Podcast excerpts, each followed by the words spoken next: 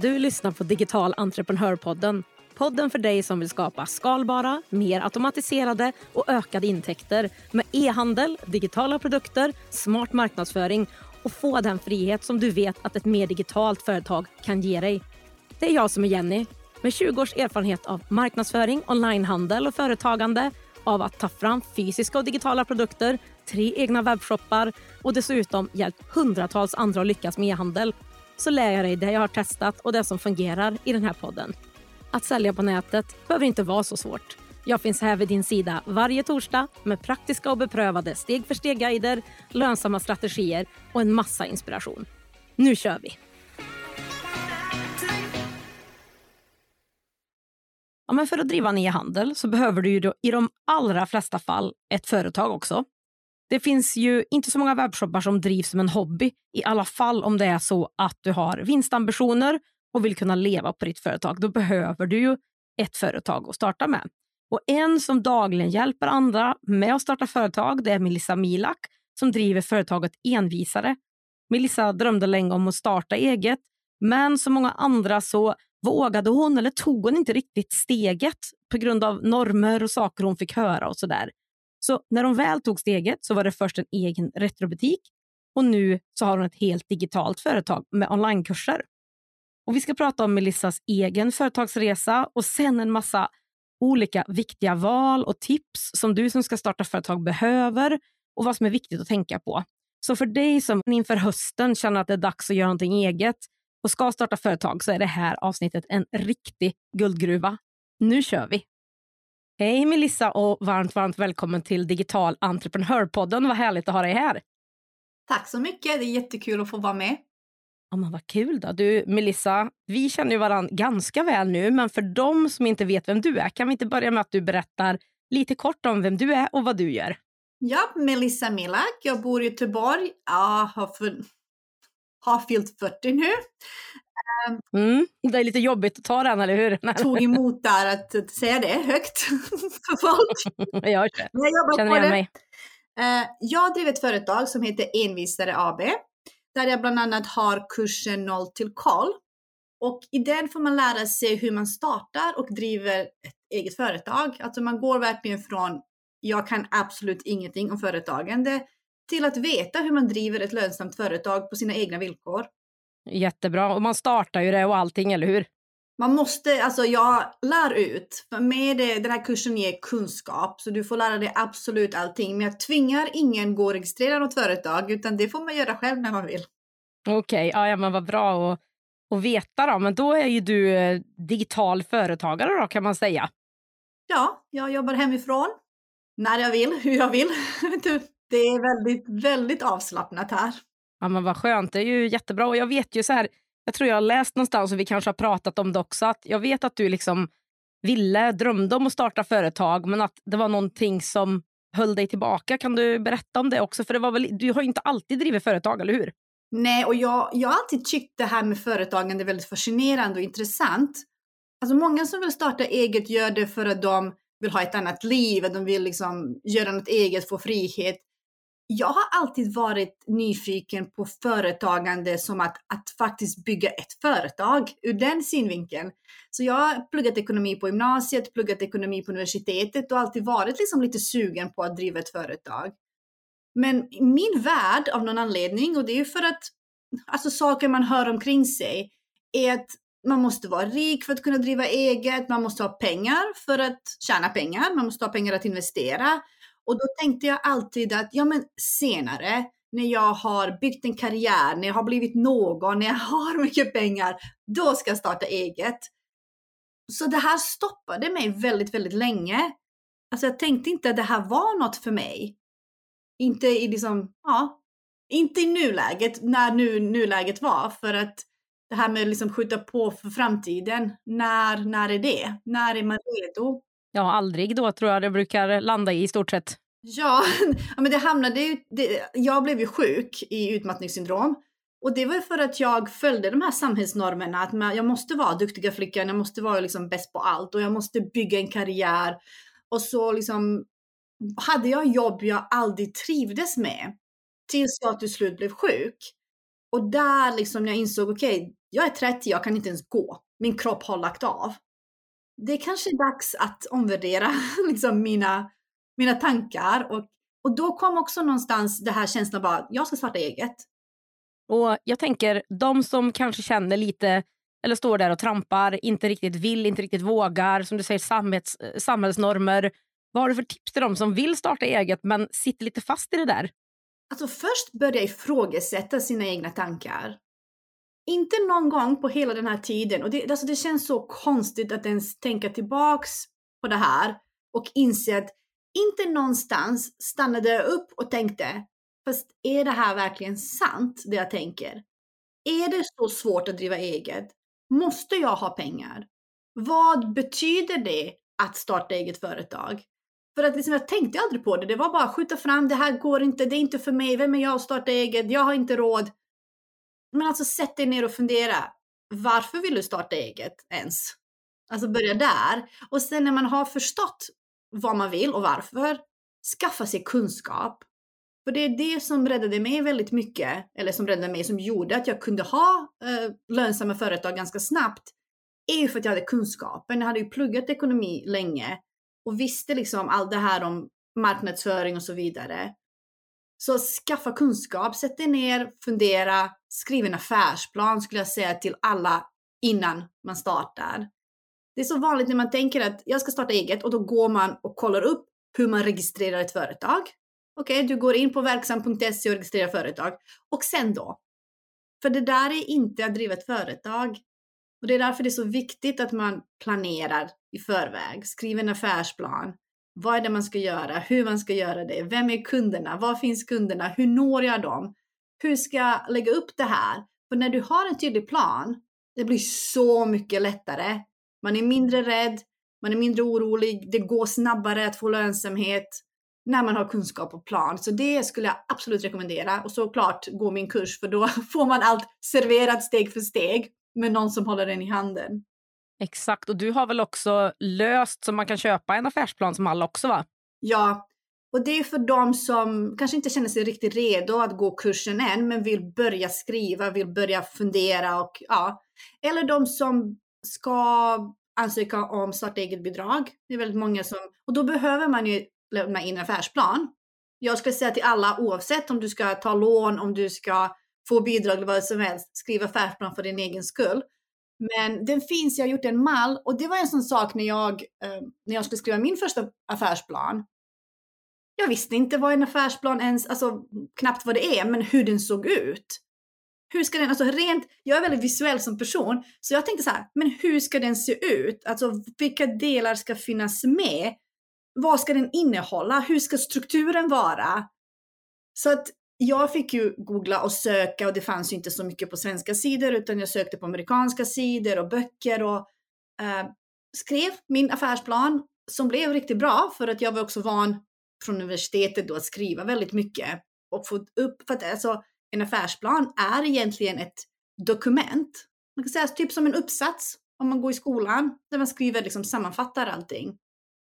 Så den jag skrev blev ju, alla blev superimponerade som läste den Ehm, jag fick ju Almi-lån jättelätt. De faktiskt gav mig mycket mer än jag bad om. Jag fick ju starta eget bidrag direkt. Ehm, banken frågade efter affärsplan.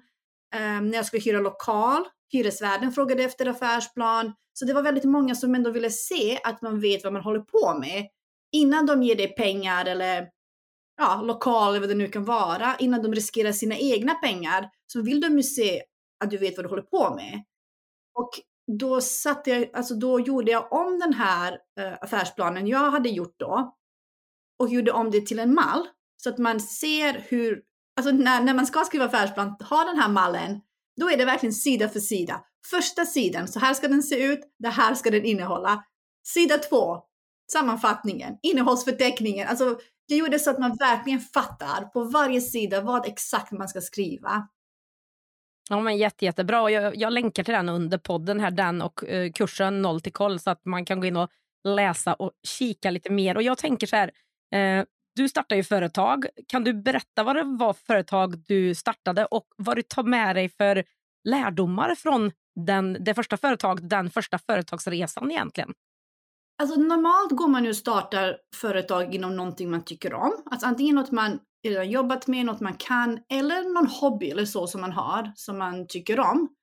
Och, och det kan ju kännas lite konstigt att jag som gått liksom, universitetsutbildning, hade ett magister i internationell ekonomi, hade jobbat med organisationsutveckling, plötsligt gick och startade en retrobutik. Och jag vet att väldigt många av mina bekanta reagerade och tyckte det var lite konstigt. Ehm, det var som att liksom, vad ska man säga, jag gick inte upp i karriären, plötsligt gick jag liksom neråt, jag dök ner direkt. Men anledningen till att jag startade en retrobutik var för att under utmattningen, jag var sjuk i ett år ungefär, och jag brukade gå på loppisar och second hand och kände att jag vet att många som faktiskt har haft utmattning har samma erfarenhet. När man går runt på någon second hand, då vet man aldrig vad man ska hitta, så man bara går och tittar. Och det är supermeditativt. Det är verkligen att man stänger av hjärnan. Och jag vet att många tycker det här är väldigt bra att göra när man har haft utmattningssyndrom, så det gjorde jag. Men det gjorde också att eftersom jag är en sån person som älskar att lära mig, jag är supernyfiken, så jag googlade ju varenda sak jag hittade som jag gillade. Så jag byggde upp så mycket kunskap kring retro och vintage. Jag började bära vintagekläder. Jag hade en samling på över 200 klänningar vid det laget. Uh, och där kände jag, det här är jättekul. Varför inte starta eget inom det här? För det kändes jätteroligt. Ja, det var som en, liksom en hobby som jag ville jobba med. Och jag hade också ett Instagramkonto som heter Vi rensar. Den finns inte längre. Uh, och där var det så att jag la upp sånt som folk också hade fyndat på loppis, men kände att Nej, men jag får inte plats hemma. Det här kan jag sälja. Och då brukade folk lägga upp saker och jag repostade, lade då ut på det här Vi rensar-kontot som växte väldigt, väldigt snabbt. Vilket gjorde att jag då i flera år egentligen, jag hade haft det här kontot jag tror två, två, tre år innan jag startade. Alltså det gjorde att jag hade en publik. Jag hade en ganska stor publik så att okej, nu har jag haft det här kontot, folk tycker det här är kul, jag tycker det här är kul. Men tänk om jag skulle starta en fysisk butik, alltså en vi rensar fast i verkligheten. Där folk kunde, kunde komma med sina retroprylar och så kunde jag sälja åt dem. Så att man liksom typ som en loppis fast man slapp stå där. Så det blev liksom vi rensar fast i fysisk, fysisk butik. För det jag märkte väldigt mycket på det kontot var att folk umgicks, vi lärde känna varandra. Så det blev väldigt liksom, alltså fin atmosfär på det kontot, i kommentarsfälten och så. Så att jag kände så här, men tänk om vi kunde umgås på riktigt, att man tar ner, alltså tar bort från nätet till verkligheten. Det var det som gjorde att jag startade en retrobutik. Ja, men så härligt att höra lite från den delen. Och hur länge drev du den? Var det fem år eller någonting? Det var nog fyra år hade jag den. Vad tar du med dig för lärdomar ifrån den eh, resan och det företags, företagandet kan man väl säga? Alltså så otroligt mycket Jenny, för att hade inte jag gjort allt det där hade inte jag varit här. Hade inte jag gjort den här kursen och hjälpt andra. Eh, men att liksom, gör trots att du är rädd. Jag var jätterädd när jag startade butiken. Jag kommer ihåg Alltså jag körde på och för, det, det, tog ungefär ett halvår innan jag, liksom från idé och affärsplan till att jag faktiskt kunde öppna butiken. Och jag kommer ihåg jag stod där vid dörren och det var jättelång kö. Alltså utanför ner mot halva torget där, där butiken var. Och jag stod där vid dörren och bara sa att jag vill inte ha en butik, jag vill inte öppna. Säger jag till min sambo då. Han bara, att det är lite sent påtänkt va? jag var så rädd, jag hade ångest och liksom verkligen så rädd. Men sen när jag öppnade dörren och folk började strömma in och kom med blommor och du vet, kramades och jag stod där och grät och det var så härligt. Det var så härlig känsla, det var så roligt. Så att jag skulle säga nummer ett, var rädd men gör det ändå. Följ, följ dina drömmar, följ efter det du vill göra. Och det behöver inte bli den, det rätta företaget, det första du gör Jag tror också det är som misstag att man tror att om jag startar eget nu så är det det jag måste jobba med för resten av mitt liv. Nej, vet du, man kan göra vad man vill. Jag kunde lika gärna stängt efter sex månader eller ett halvår eller ett år. Eller som jag gjorde, hade det i fyra år och liksom växte, utvecklades och sen startade ett nytt företag efter det. Så det är också något som man kan tänka på att bara gör nu, bara testa så får du se hur det blir, vart du hamnar. Ja, och du hade ju inte hamnat troligtvis där du är idag om du inte hade gjort det där. Nej. Alltså man måste verkligen först göra fel och göra dåligt och göra misstag och göra allt sånt för att kunna utvecklas. För om man inte tar första steget så kan man inte ta hundrade steget heller. Det, man måste ju börja någonstans. Precis, om vi kollar på det här, från retrobutiken, hur hamnade du på det du gör idag med namnet envisare? Jag tänker bara om jag börjar med hur jag hamnade, varför jag slutade i butiken och det är också en läxa som jag bär med mig och som jag också lagt in i kursen är efter fyra år med butiken var jag nära en utmattning igen.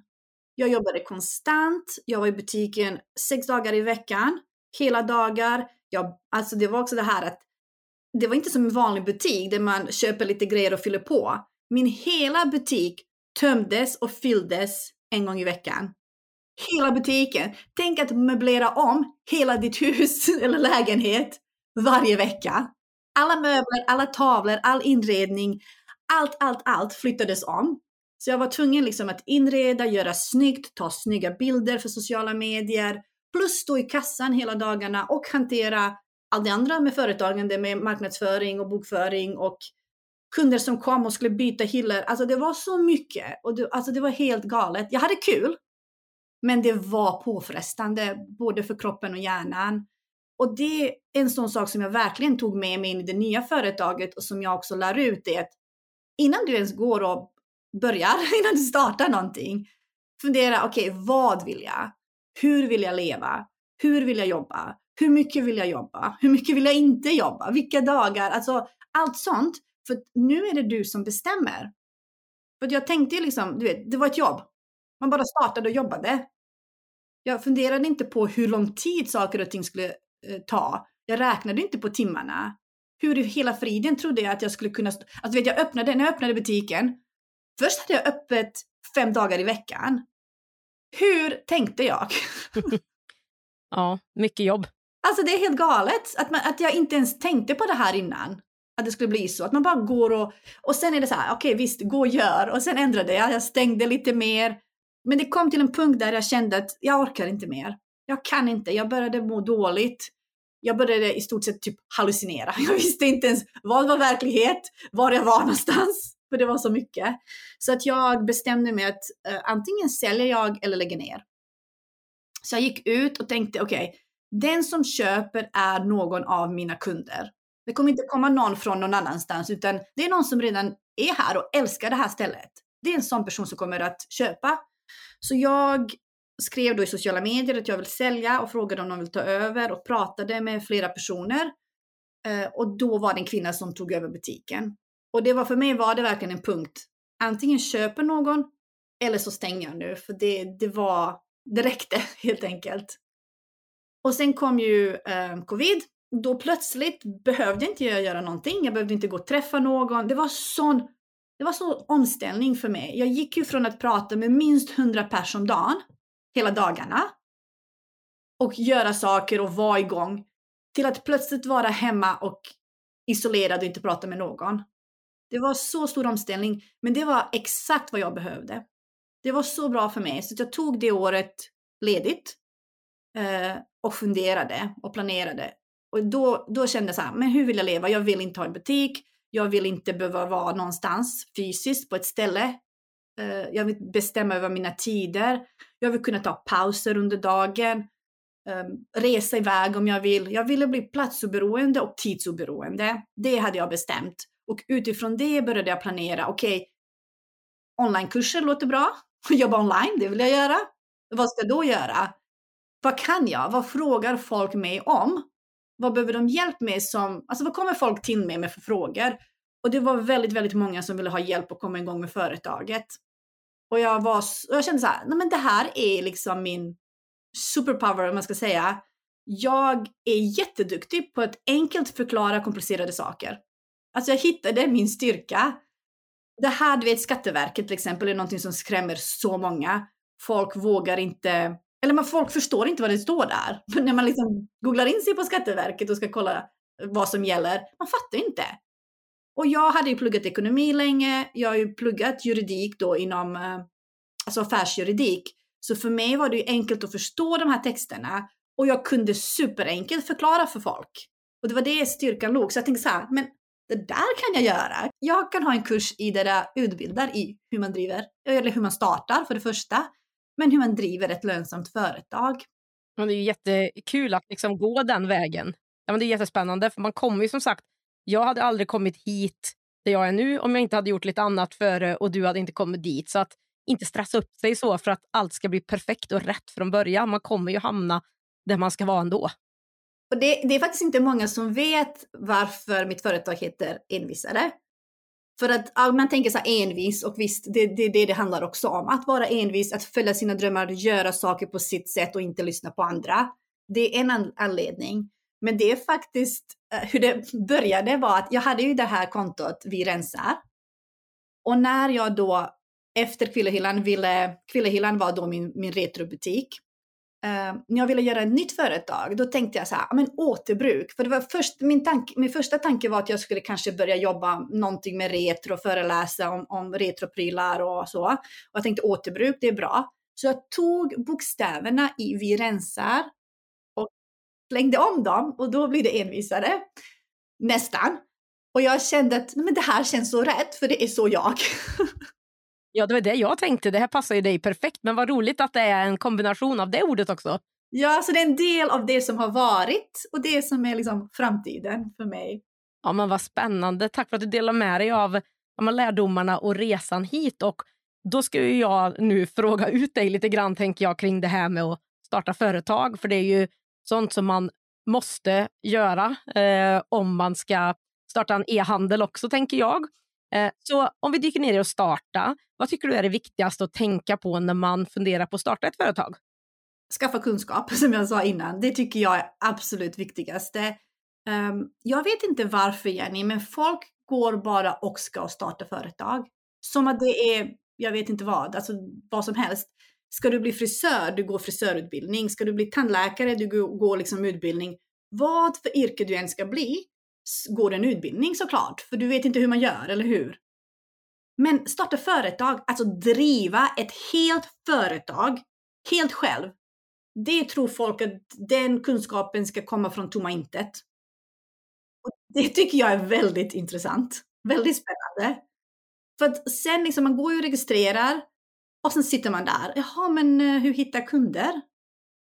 Just det, du har ingen kunskap om att driva ett företag. Eh, det låter kanske hårt, men det är ren fakta. Du behöver kunskapen. Så att jag skulle säga gå och skaffa kunskap. Gå min kurs, ta hjälp av andra, googla runt, lyssna på poddar, läs böcker, vad som helst. Men liksom lär dig förstå det här tankesättet och också skifta ditt mindset från att du är inte längre anställd. Ingen kommer att säga till dig, det här är inte ett jobb. Ingen kommer att säga till dig vad du ska göra. Nu ska du driva ett företag. Du ska vara styrelsen, du ska vara VD, du ska vara mellancheferna, du ska vara alla anställda på alla avdelningar. Du ska göra allt det här. Driva alltså hela företaget. Så där behöver man verkligen skifta sitt tänk i att bara göra ett jobb till att driva ett lönsamt företag. Ja, och sen så känns det så viktigt också att sätta rätt grund. För liksom, börjar du ta felaktiga priser. Eller många tar ju alldeles för lite betalt i början och så ser man när alla kostnader kommer in så bara, nej men det blir ju inget kvar. Nej, men det är också för att man inte vet. Nej, men exakt, man har ingen kunskap inom ekonomi. Det är det det också handlar om, att man är så här rädd för bokföring. Bokföring, det är att mata in siffrorna i dataprogram. Det där är inte svårt, det där kan någon annan göra. Strunt i det. Men att planera, det här med att, liksom, varför man, jag säger att man ska skriva en affärsplan, är att du planerar din budget hur ska jag driva det här företaget? Hur mycket ska jag tjäna på det här företaget? Hur ska jag se till att jag tjänar så mycket? Vilka grejer ska ge mig pengar? Och som sagt, priset är jätteviktigt att beräkna den.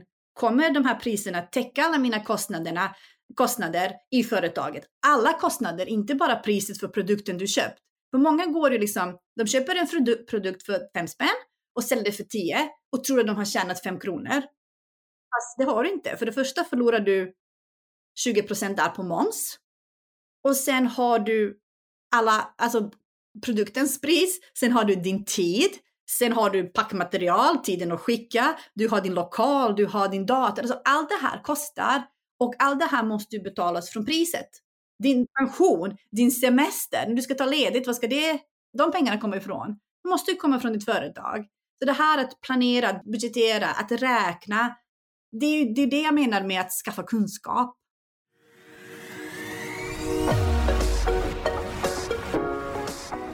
Digital entreprenörpodden görs i samarbete med Ebbecart, en av Sveriges största e-handelsplattformar. Ebbecart vill ge alla möjlighet att starta och driva en grym webbshop och är den plattform jag själv använder och rekommenderar för dig som vill starta din e-handelsresa.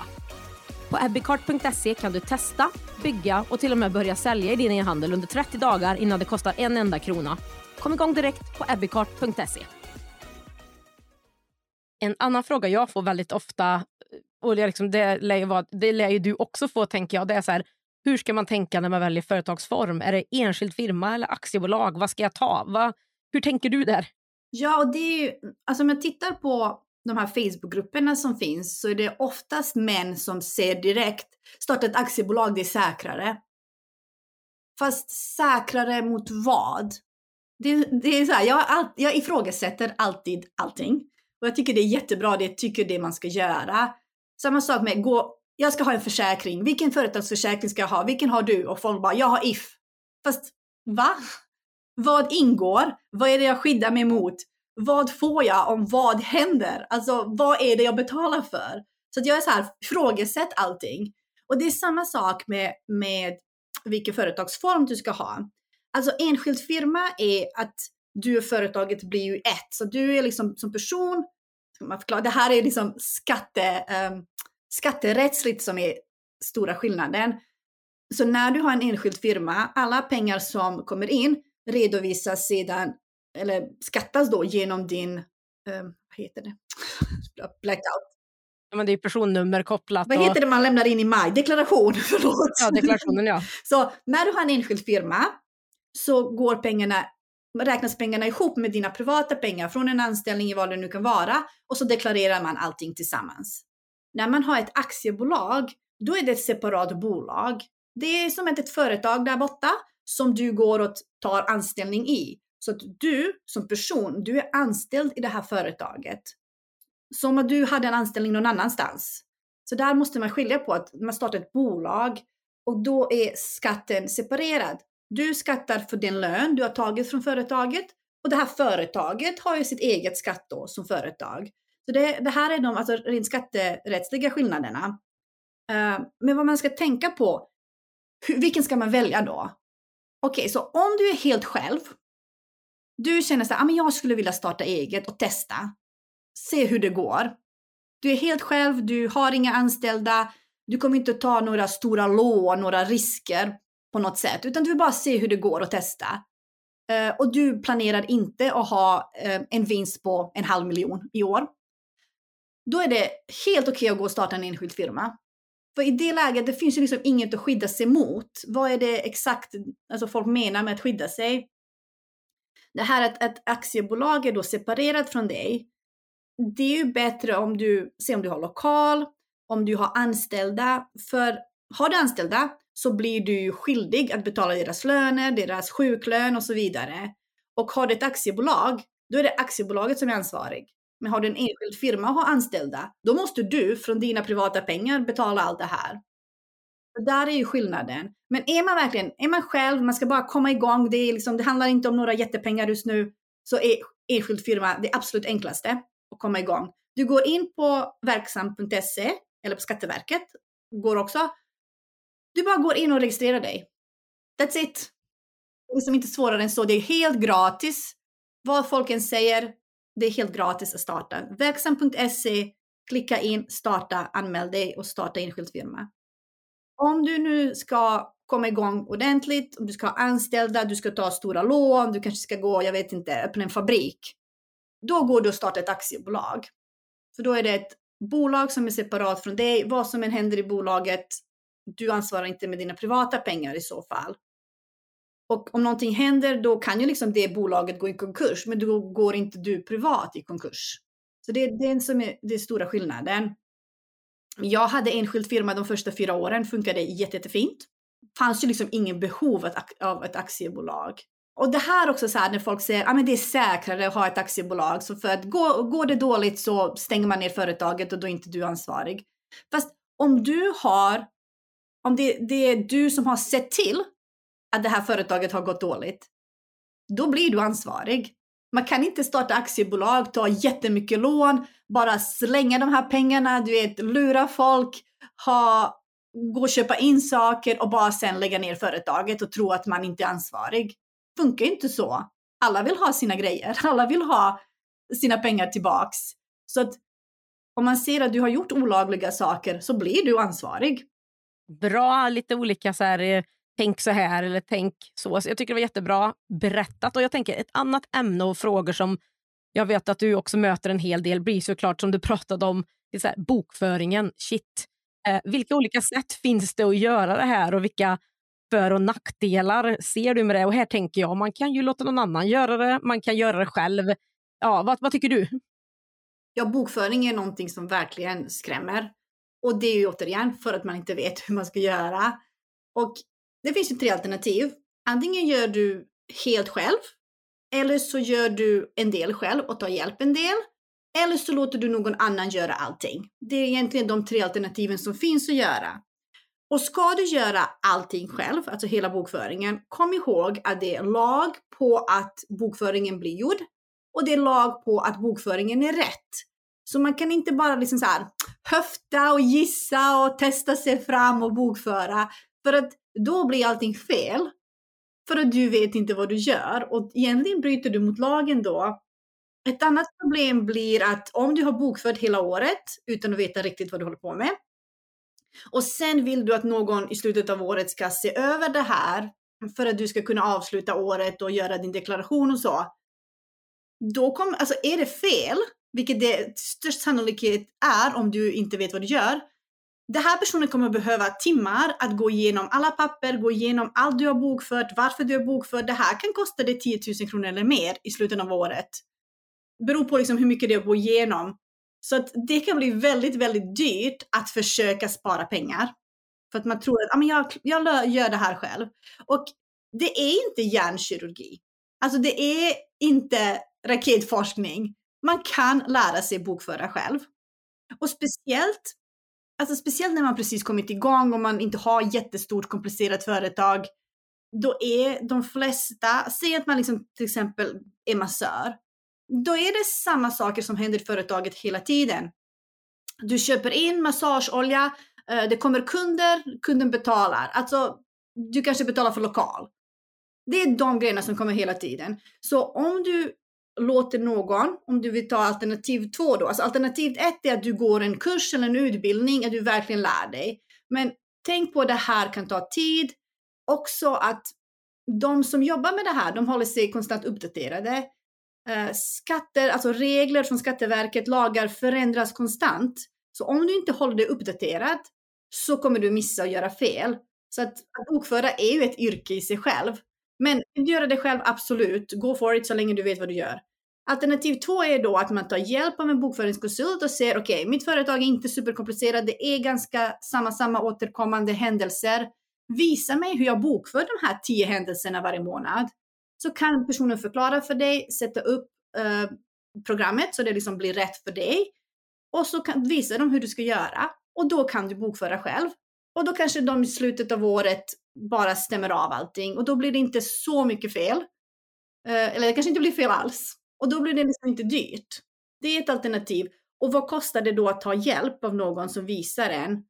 Alltså, vi pratar tusenlapp. Det är verkligen inga jättepengar. Jag ser, det här är ett jätteproblem tycker jag för de som vill starta eget. Att folk säger, jag har inte råd att ta hjälp med bokföring. Fast vad kostar det? frågar jag. Ja, det vet jag inte. Hur vet du att du inte har råd då? Man, liksom, vi går och antar och vi är rädda och vi inbillar oss saker. Så det är därför jag säger, ifrågasätt dina tankar. Eh, så det handlar kanske om en tusenlapp att få, eller två, beror på liksom hur mycket det är och, och du ska lära dig.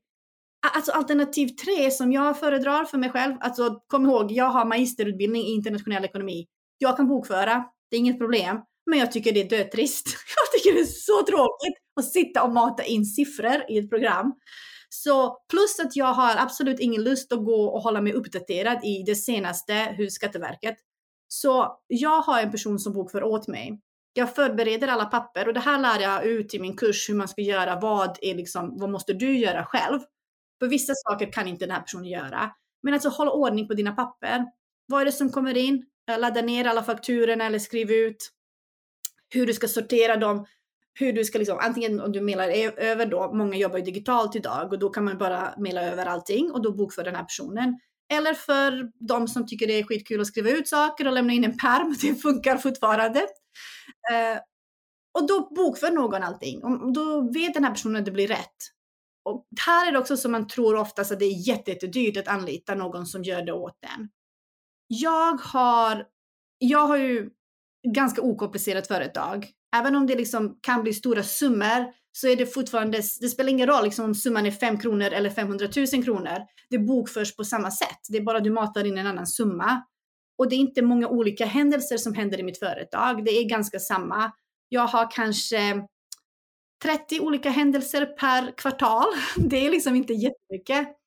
Och då kan man, för att kan, man kan bokföra all försäljning till exempel i en klump. Uh, det här får ni hjälp med, med den som bokför. Men anyway, eh, och då ger jag henne de här en gång var tredje månad och hon matar in dem. Så att jag betalar för fyra timmars bokföring per år.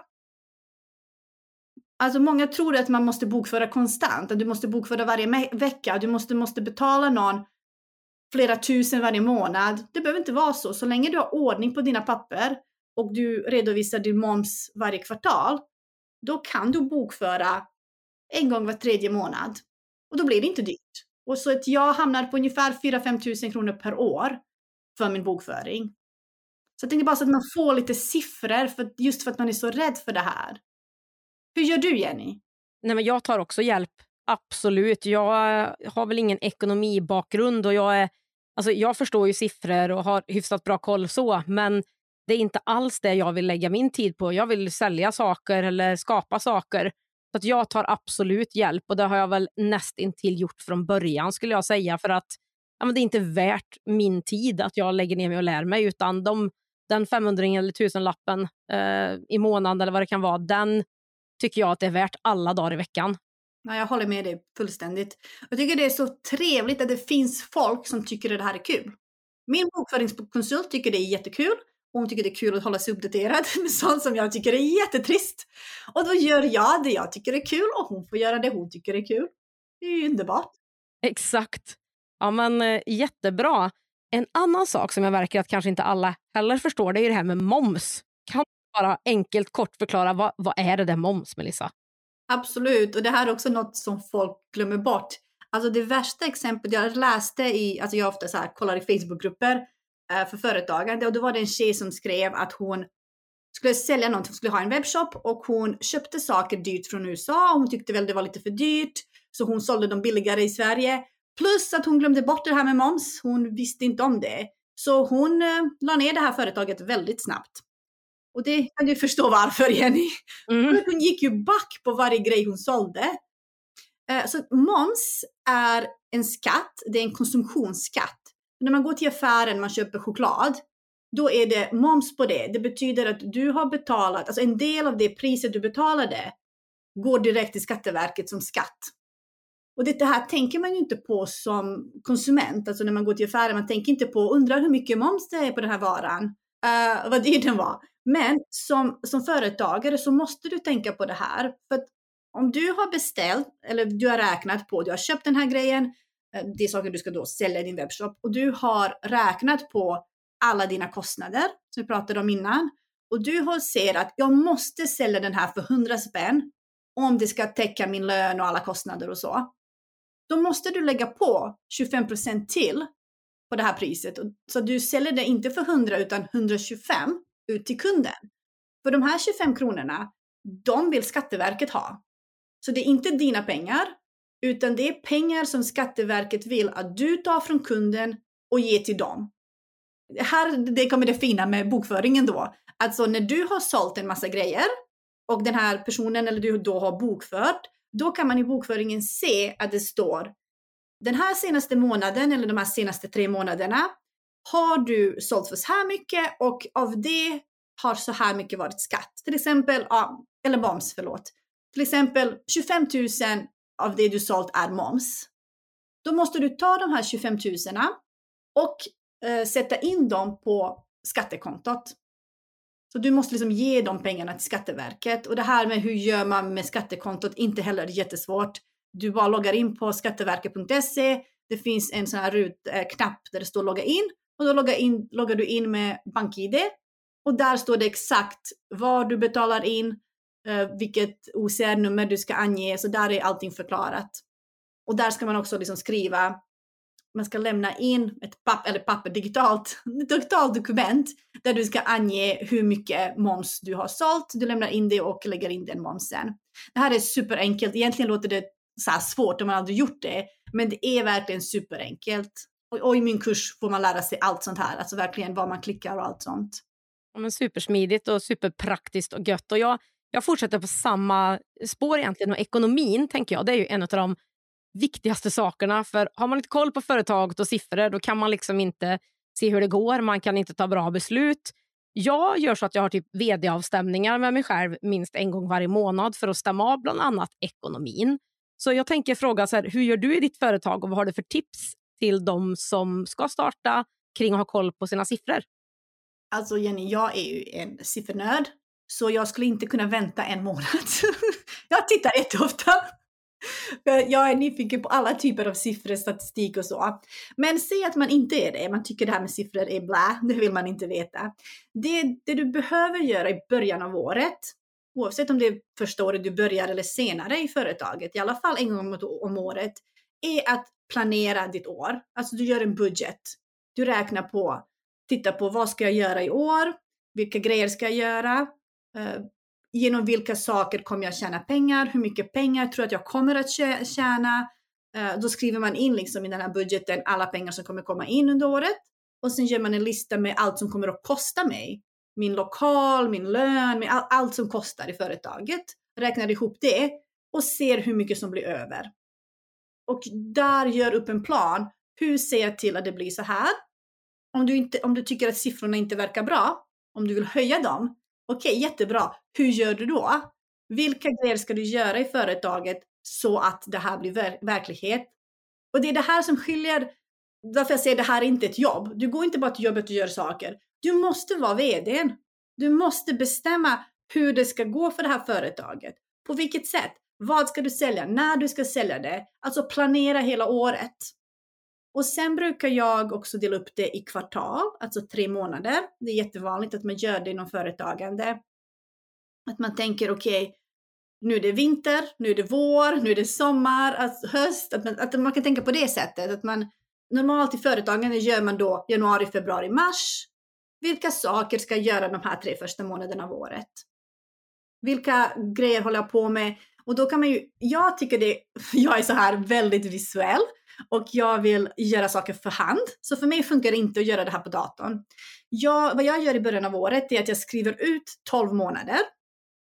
Eh, jag klistrar dem på väggen och så går jag så här, okej. Okay. Januari, vad gör jag då? Februari, vad gör jag då? När har jag lansering av min kurs? När säljer jag detta? Okej, okay, sommar. Egentligen det första jag gör är att jag tar en rosa penna, en sån här överstrykningspenna. Och så stryker jag hela juli och så stryker jag hela december. Så funkar det i mitt företag. Sen är det olika, man har olika säsonger i sitt företag. Men jag vill, så här, jag stryker först när jag inte vill jobba. Det är det första jag gör i min planering. När vill jag inte jobba? Okej, okay, den tiden som är över, vad ska jag göra och hur mycket ska jag tjäna på det? Eh, så planerar jag. Men någon som kanske säljer glass eller jordgubbar eller vad vet jag. Deras säsong är jättemycket på sommaren och då kanske man tjänar hälften av sina pengar just under sommaren. Men att man liksom tittar på var kommer pengarna ifrån? Hur? När? Och på det sättet planera sitt företag. Så gör jag. Hur gör du Jenny?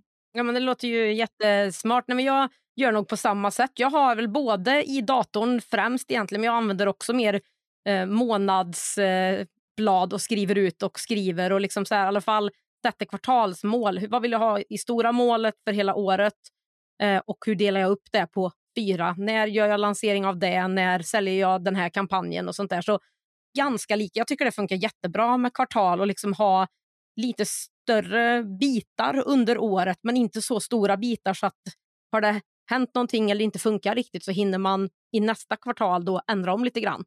Och jag hör ju också att folk är så här, men jag vill inte planera för jag är en spontan person och jag vill kunna vara kreativ. Jättebra, ditt företag kommer inte att gå bra. Du vill bara ha en hobby och lalla runt. Det är det du vill göra, helt ärligt. Så att när du har en plan så här, du vet ungefär vad som händer under året. Du vet när du vill vara ledig, du vet när du vill jobba och du vet när du kan tjäna hur mycket pengar. Då kan jag, för jag är jätte, jättespontan. Alla som känner mig vet att jag bara går och gör en podd bara sådär. Så jag bara gör saker. Och det är för att jag har, alltså min planering ger mig utrymme att kunna vara spontan. För att jag vet att jag kan flytta på saker, eh, att jag kan, okej okay, idag jag vill göra detta, bra, men då vet jag att resten kan jag flytta eller så kan jag stryka. Jag kanske har planerat in någonting i mars, april och jag genomförde inte det. Jag tyckte det var tråkigt eller jag, eller vad det nu kan vara. Ja, men då stryker jag det och gör något annat. Men jag har fortfarande en helhetsplan och ser till att jag kommer att tjäna pengar, jag kommer att ha det tryggt i mitt företag, jag kommer att få lön i mitt företag och jag kan, kommer att fortsätta med det här företaget. Jag behöver inte gå runt och vara orolig att jag ska misslyckas, att jag ska gå i konkurs och alla de här sakerna. För det har man om man bara går runt och vill göra saker spontant utan någon som plan som helst. Jag skulle säga att jag tycker att jag kan vara mer spontan när jag har en plan för då vet jag vad jag åtminstone behöver hålla mig inom för mål och liksom så. så jag upplever att jag får tillbaka mycket mer tid när jag vet och inte behöver oroa mig för att jag inte hinner eller inte vet vad jag ska göra. Så jag håller med dig verkligen där. Och, nej, men nästa tanke som jag har det är lite så här. Jag vet inte om alla känner dig så väl så att de vet att du har en grym Facebookgrupp som heter Soloprenörskan. Du har också nyligen en podd med samma namn, så den ska man inte heller missa. Men är det så att man inte är med i Facebookgruppen Soloprenörskan så tycker jag man ska gå in och eh, gå med i den. Så jag lägger en länk här under avsnittet. Och jag undrar då, det här gissar ju jag, eller tror jag verkligen är en del i din marknadsföring för att hitta nya kunder. Så jag undrar, vad har du för tips till andra som har startat eller ska starta kring det här med marknadsföring och hur du marknadsför dig själv och så? Jag tänker så här när man, man frågar hur ska man marknadsföra sig? Det är så brett. Alltså marknadsföring är så brett begrepp. Du kan gå universitetsutbildningar, du kan forska i det, du kan doktorera i olika typer av marknadsföring. Det, är hur, det kan bli hur stort som helst. Men marknadsföring är liksom allt du gör som gör att du syns och att kunder får lära känna dig och att du lockar kunder till att köpa från dig. Och det här, alltså hur du marknadsför dig, det begränsas bara av din fantasi. Och när du driver företag så måste du jobba strategiskt. Du måste ju hela tiden tänka, okej, okay, vem är min kund egentligen? Vad är det för problem jag löser? Vems problem löser jag? Vem är de här personerna? Vilka är mina kunder? Och sen var finns de här människorna? För det är så många som säger, jag vill hitta, ja, hur ska jag hitta kunder? Ja, men vem söker du? Ja, det vet jag inte. Fast då kan du lika gärna gå ut på gatan och skrika, för vi vet ju inte vem du söker. Alltså det, det blir ju väldigt konstigt. Utan när du vet vem du vill nå, alltså de personerna som behöver dina produkter eller tjänster, då kan du fundera på, okay, men var finns de? Var brukar de finnas? Finns de på Facebook? Okej, okay, hur når jag dem? Var på Facebook finns de? Facebookgrupper, i vilka Facebookgrupper finns de? Alltså vart, var, var söker de sig? Är det någon typ av förening? Är det... Så man måste verkligen tänka efter. Vad, vem är den här människan jag vill nå och prata med? Där börjar all marknadsföring. För utan det så blir det jättesvårt. Då blir det verkligen pengar i sjön. Och när man ser så här, jag vill nå alla. Jag ska göra en annons, jag vill nå alla till exempel. Fast om du jagar alla, då slänger du pengar på folk som absolut inte är intresserade. Alltså ska du sälja barnleksaker för småbarn, men då vill du inte nå pensionärer, du vill inte nå tonåringar, du vill inte nå mig som inte har barn eller känner några med småbarn. Det är liksom jättedumt att annonsera till mig. Då är det liksom viktigt att, okej, okay, vilka är det då som brukar köpa saker, alltså leksaker till små barn? Ja, men var finns de människorna någonstans? Och jätte, jätteviktigt då, hur ska jag prata med dem? så att de blir intresserade. Så att, de, alltså så, att jag, så jag kan visa att jag förstår vad de behöver och visa att det finns här hos mig. Nej, men jag, jag håller med dig precis. Alltså, otroligt hur många egentligen som vill prata till alla eller kanske inte förstår den här äh, nischningen eller nedtrappningen? Jag tror det är för att det är, det är svårt att tänka. För att man, alltså det är logiskt att tänka att ju fler jag pratar till, desto större chans att någon köper, eller hur? Det låter jättelogiskt. Men problemet är i marknadsföring att det funkar inte så. Det är faktiskt helt tvärtom. För att om jag vill prata till alla, då måste jag prata på ett språk som tilltalar varenda människa. Vilket gör, och, man, och det ser man nu i dålig marknadsföring, att man, liksom, man tilltalas inte. Vad är det de säger? Man fattar inte. De använder fackord, de använder alltså, ord som de använder i sitt företag och jag som kund fattar ju ingenting. Och de kanske pratar, de egentligen vill nå någon annan men de pratar till mig. Alltså man vet inte varför. För man känner sig inte tilltalad. Och då har de slängt pengar. Alltså i marknadsföringen är det ju, ju bättre du alltså nischar dig, vad ska jag säga, um, skärmar av eller så, till den exakta personen du vill prata till, då går du direkt till den personen, du ställer dig framför den personen och du pratar på ett språk som gör att den absolut vill handla av dig. Så det är bättre att prata till tio sådana personer som vill köpa på rätt sätt än att prata till hundra som inte alls är intresserade. Då har du slängt pengar på hundra personer som inte vill köpa. Då blir det inga kunder. jag, jag håller med dig totalt där och typ rundar av lite grann om du skulle få dela med dig av ett sista tips, vad skulle det vara i sådana fall när det kommer till att starta företag? Ifrågasätt allt, det var väl det jag kände från början. Ifrågasätt dina tankar. Tro inte på allt du tänker, för du skrämmer dig själv helt i onödan. Utan um, ifrågasätt de här tankarna, fundera på vad du vill, skaffa dig kunskap och bara gör även, även om du är rädd.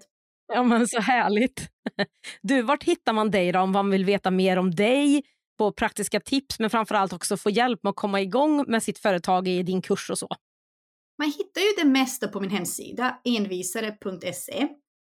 Eh, och där, där kan man hitta kursen, man kan hitta affärsplanen och ladda ner. Lite, ja, allt möjligt finns där. Länkar till allting, allt samlat på envisare.se. Vill man prata med mig, jag lägger ut väldigt mycket på Instagram. Jag gillar Instagram fortfarande. Eh, sen, sen min tid med Vi rensar.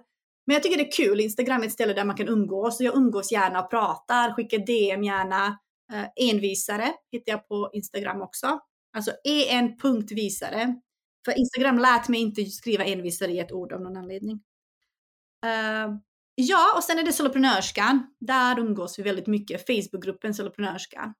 Ja, men toppen. Jag länkar ju såklart under poddavsnittet till de här också så det är lätt att hitta dit. Och Melissa, stort, stort tack för att du var med i Digital Entreprenörpodden och delade med dig av så mycket massa konkreta härliga tips. Så stort tack! Tack så mycket att jag fick vara med. Och, alltså, ni som lyssnar, kommer det upp frågor så bara hör av er så hjälper jag gärna till. Nu hoppas jag att du som funderar på eget företag eller kanske en egen e-handel har fått en massa konkret hjälp och praktiska tips av mitt och Melissas samtal. Vill du ha ett liv där du bestämmer mer själv, vill bygga ditt eget istället för att bygga åt någon annan, då tycker jag verkligen att du ska ta steget till ett eget företag. Du behöver ju inte vara så att du direkt släpper allting, bara kastar dig ut. Ett bra sätt är ju också att börja vid sidan av en anställning och jobba upp någonting för att sen släppa helt. Här gör du det som passar dig och hur du vill göra som person. Men vänta inte på en bättre tid. Det kommer inte att komma någon, jag lovar dig. Jag ångrar inte en sekund att jag startade eget och jag ser faktiskt helt ärligt ingen annan väg framåt för mig nu än att fortsätta att vara egen. Och vill du som sagt ha hjälp av Melissa och kursen Noll till koll, då klickar du bara på länken här under och så kan du läsa mer och komma igång.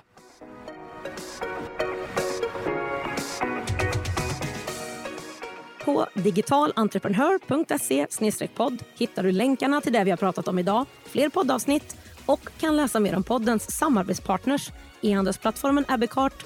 Är du redo att börja generera återkommande och skalbara intäkter online och skapa mer frihet i var och när du jobbar? Då är min beprövade onlinekurs Starta din e-handel för dig. Det är dina exakta steg för steg och allt du behöver för att starta och lansera en lönsam e-handel oavsett om du har ett företag eller inte. Driver du redan en e-handel som du vill ta till nästa nivå? Då är onlinekursen Marknadsföring för e-handlare ditt nästa steg. Det är den enda kurs och community du behöver för att öka försäljningen och som ger dig verktygen för att kunna leva på din e-handel.